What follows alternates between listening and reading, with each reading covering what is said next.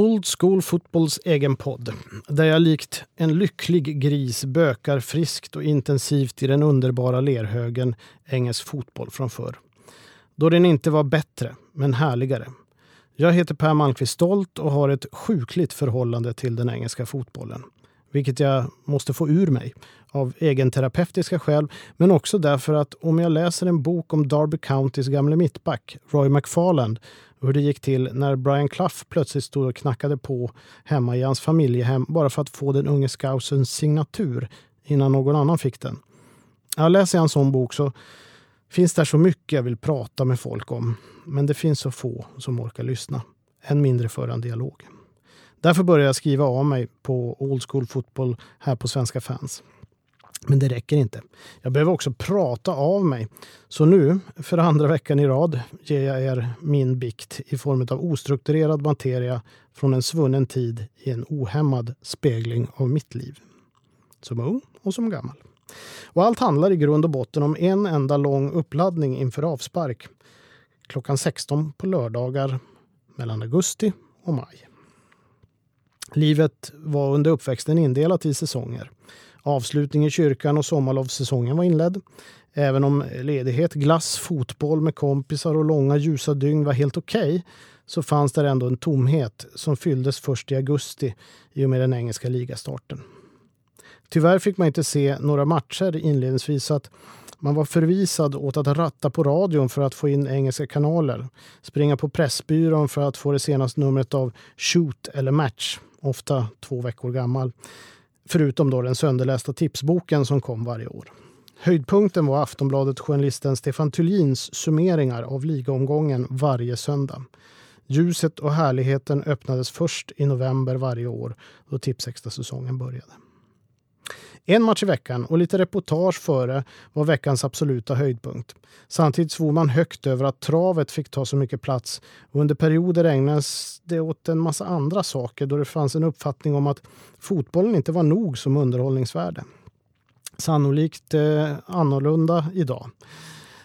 Då man vältrar sig eller rättare sagt allvarliga experter kan vältra sig i streck och rörelsemönster på bästa tv-tid. Då trodde man att sånt skulle skrämma bort publiken. Ja, själva fotbollen fick det inte bli för mycket av. Istället intervjuade man eh, någon tonåring som skrev fotbollsnoveller eller hade hemliga gäster i en telefonkiosk. Tipsextra-säsongen var över i mars, ofta med ligacupfinalen som avslutning. Sedan fick man åter lita sig till eh, gamla tidningar och Stefan Thulin för att möta ljuset, om än för en kort eh, stund, i maj då FA-cupfinalen sändes finns få saker som kan ge en sådan ståpäls som ritualen på Wembleys gräsmatta inför en final. Det största som finns för en fotbollsälskare. Ja, sedan var det skolavslutning och så ett helt nytt varv i det hjul som man ständigt snurrade i.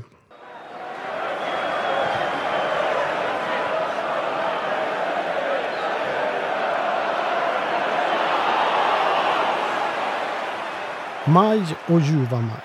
Synd bara att den är så kort. När jag växte upp så var det ofta bara någon vecka lång, vilket kan tyckas lite svagt för att vara en månad. Men den avslutades i regel med FA-cupfinalen. Därefter följdes trista maj, vilket var en betydligt sämre månad, dock längre. Till helgen tar Liverpool sitt klopp och pack till östra England och St. James's Park. En rätt intressant match mellan två managers som har en tendens att leva sig in i händelserna på plan rätt rejält. Möjligtvis med den skillnaden att det ser inte alls hälsosamt ut för Steve McLarens del. Men Old School Football minns istället en match från förr, nämligen bestämt den 4 maj 1974. fa Cup-final på Wembley. Bill Shankleys sista stora pokal innan han avgick. Shanks Red Army dansade fram hela matchen.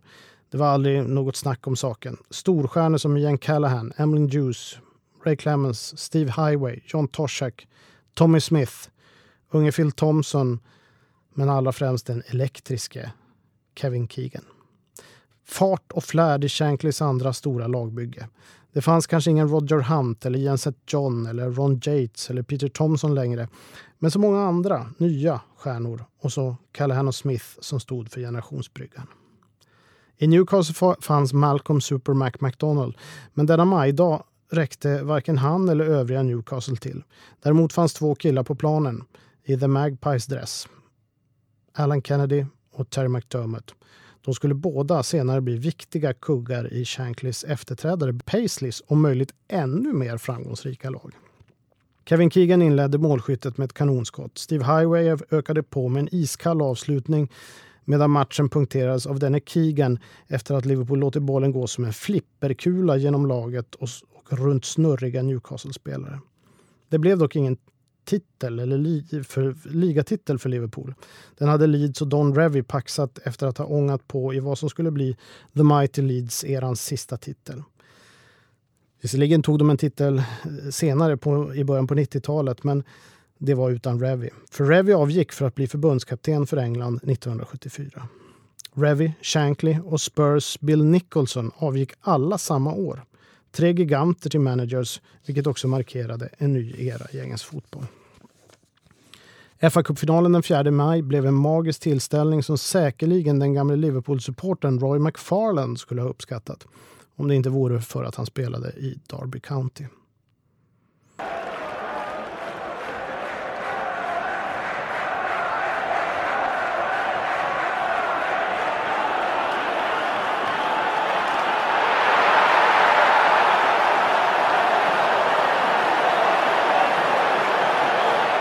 Hur var det då med den där Roy McFarland jag nämnde i början? Jo, eh, det var en eh, stabil mittback som faktiskt fick förtroendet att ta över tröja nummer fem i det engelska landslaget efter giganter som Jack Charlton och Brian LeBone.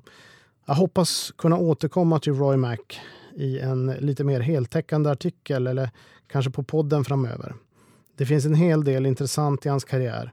I korthet kan jag redan nu nämna att han var en sann scouser uppväxt i Liverpool och spelade i Tranmere Rovers under The Summer of Love 1968 när en viss Brian Clough och assistenten Peter Taylor plingade på sent en kväll.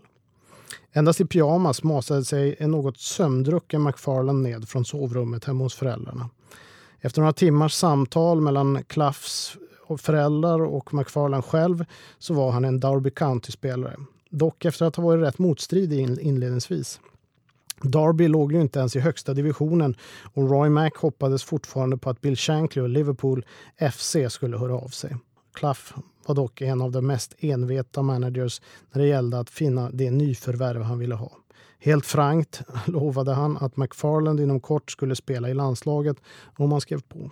Målmedvetet och uttröttande gav han sig inte förrän kontraktet var signat. Faktum var att eh, Klaff en gång hotade att sova över i bilen på garageuppfarten när han värvade mittfältsdynamon Archie Gammill. Gammill hade redan bestämt sig för regerande mästarna Everton och inte något Derby County som inte hade något i pokalskåpet att skryta med. Gammels fru tyckte dock synd om Klaff och släppte in honom så han fick sova inomhus i vart fall. Vid frukosten skrev Gammill på för Derby County. Något tal om pengar var det inte på den tiden. En, en mindre, I alla fall inte till spelarna. Än mindre några agenter. Bara Claffys försäkran om att jag tar hand om dig. Så var det i alla fall för Roy McFarland.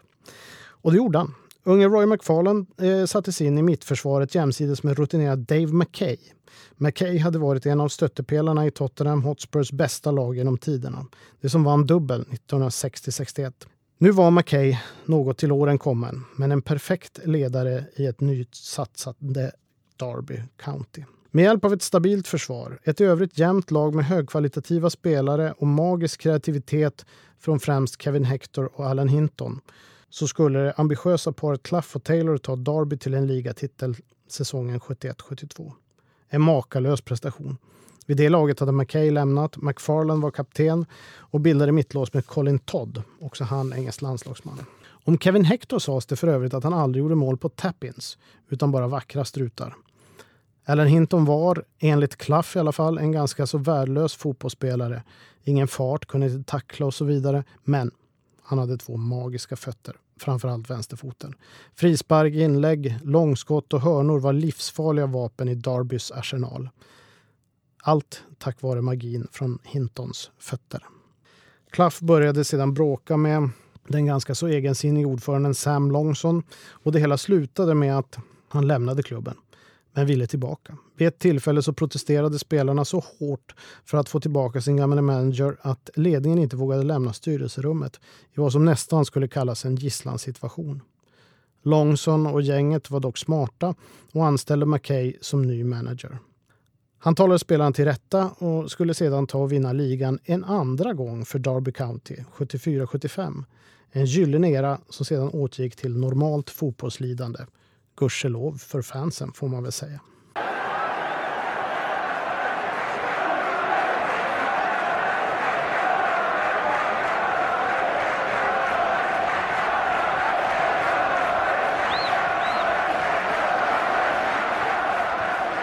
Lidandet är nog själva livsnerven för en fotbollssupporter. Det finns få saker som binder ihop ens själ och hjärta med ett lag som att lida tillsammans. Särskilt eftersom lidandet ofta bygger på att en själv känner sig sviken och att laget inte riktigt förstår. Man får alltid vara martyren, den missförstådde, den som har rätt i förhållandet. Vilket måste vara en underbar känsla. Framgångar som man kanske kan säga. Att framgångar tillsammans är rätt överskattat och blir, för mycket, blir det för mycket av den varan i ett tidigt skede i relationen är det lätt att man tappar intresset när det börjar gå emot och kanske till och med sneglar på andra lag. Att bara framgångar tillsammans skapar inget varaktigt och man blir lätt en som hoppar från lag till lag eller liga till liga. Rotlös, utan fast förankring och aldrig i närheten av att känna hur det är att lida på riktigt. Det vill säga leva med att en pokal kanske kommer vart femtionde år och att offside-målet i den senaste FA-cupfinalen som fällde ens lag och istället fick motståndarlaget att lyfta den där åtråvärda pokalen som de har så många av ändå och det satsar inte ens på FA-cupen. Ja, det är då man känner att man lever. I varje por. Valet av mitt favoritlag Everton var en slump för min del. Men jag insåg tidigt att det kanske skulle handla mer om misslyckande och att det inte skulle bli så mycket framgångar. Märkligt nog kom Evertons främsta framgångsperiod genom alla tider bara några år senare, i mitten på 80-talet. Det är klart att det tog på en. Men en tröst i glädjeyran var väl då att när Everton var som allra bäst, sannolikt bäst i Europa, såsom regerande ligamästare, cupvinnarcupmästare och FA-cupfinalister, så inträffade den stora tragiska katastrofen på Heiselstadion i Europacupfinalen 1985. Och The Toffees fick inte spela Europacupen. De blev avstängda. Indirekt blev det också orsaken till att lagets framgångsvåg snabbt ebbade ut efter att den andra ligatiteln inom loppet av tre år togs 1987. Då spelare och manager ville finna lag där man fick spela i Europa. Men det togs ändå titlar och Everton var på Wembley nästan varje år på den tiden, inte minst för att spela Charity Shield. Till min tröst läste jag på om Evertons historia och noterade att varje gång laget stått för äkta eller inför äkta odödlig storhet så har yttre faktorer satt krokben. 1915 vann man ligan bara för att spelarna skulle tvingas ut i krig då första världskriget bröt ut redan 1914 och höll på sen till 1918. Efter uppehållet var laget inte alls lika bra längre. 1939 vann The Toffees ligan med ett extremt bra lag men då var det återigen dags för en längre paus eftersom andra världskriget drabbat Europa och världen. Ja, och så när Everton vinner ligan, vinner cupvinnarcupen, är i final i FA-cupen 1985 och ser framför sig år av europeisk dominans, ja då inträffar Hazel och vi blir avstängda. Vilket dessutom skulle få stora konsekvenser på ekonomin och förvandlade Everton från en stor klubb till en betydligt mindre. Konsekvenser som sedan följt klubben ända in i våra dagar. Fotbollsöden av smått apokalyptisk karaktär, nästan som en fingervisning från ovan att försök nu inte, för då kommer katastrofer att inträffa, människor kommer att dö och vi stänger ner turneringen helt och hållet. Ur ett mänskligt perspektiv är det ju oerhört sorgligt. Ur en fotbollssupporters lidande perspektiv så kanske man ändå drar en lättnadens suck. Jag hade valt rätt lag. En relation som skulle fördjupas i ett gemensamt mörker och eh, kvalitetssäkrat mot framgångande i långa eror. Helt kvalitetssäkrat. Nu är det inte så att jag sitter och propagerar för mänskliga katastrofer, särskilt inte i dessa ofta så deprimerande tider. Däremot är lidandet för sitt fotbollslag en riktigt bra ventil. Vi behöver det. Vi behöver få utlopp för att känna oss för förfördelade, negativa, missförstådda trots våra fantastiska intentioner. Och lida sådär martyraktigt skönt. I det verkliga livet har vi inte råd med det. Ett långt kärleksförhållande med, en människa, då, eh, inte med ett lag, bygger på att man är precis tvärtom. Detsamma när man är ute och verkar i samhället. För allas bästa bör bitterhet och martyrskap då ha fokuserats på sitt favoritlag för mänsklighetens bästa. Nästa vecka blir det nya irrfärder bland spelare, matcher, företeelser och egna diffusa minnen som kanske polerats något med, med, med åren. Tror det blir lite om Tipsextra, veckans match och mm, så någon dålig historia. Mer nostalgi. Inte nödvändigtvis som den var, utan som vi vill minnas den. Nu önskar jag er en trevlig fredag och AV-skål på er allihop. Tack för mig.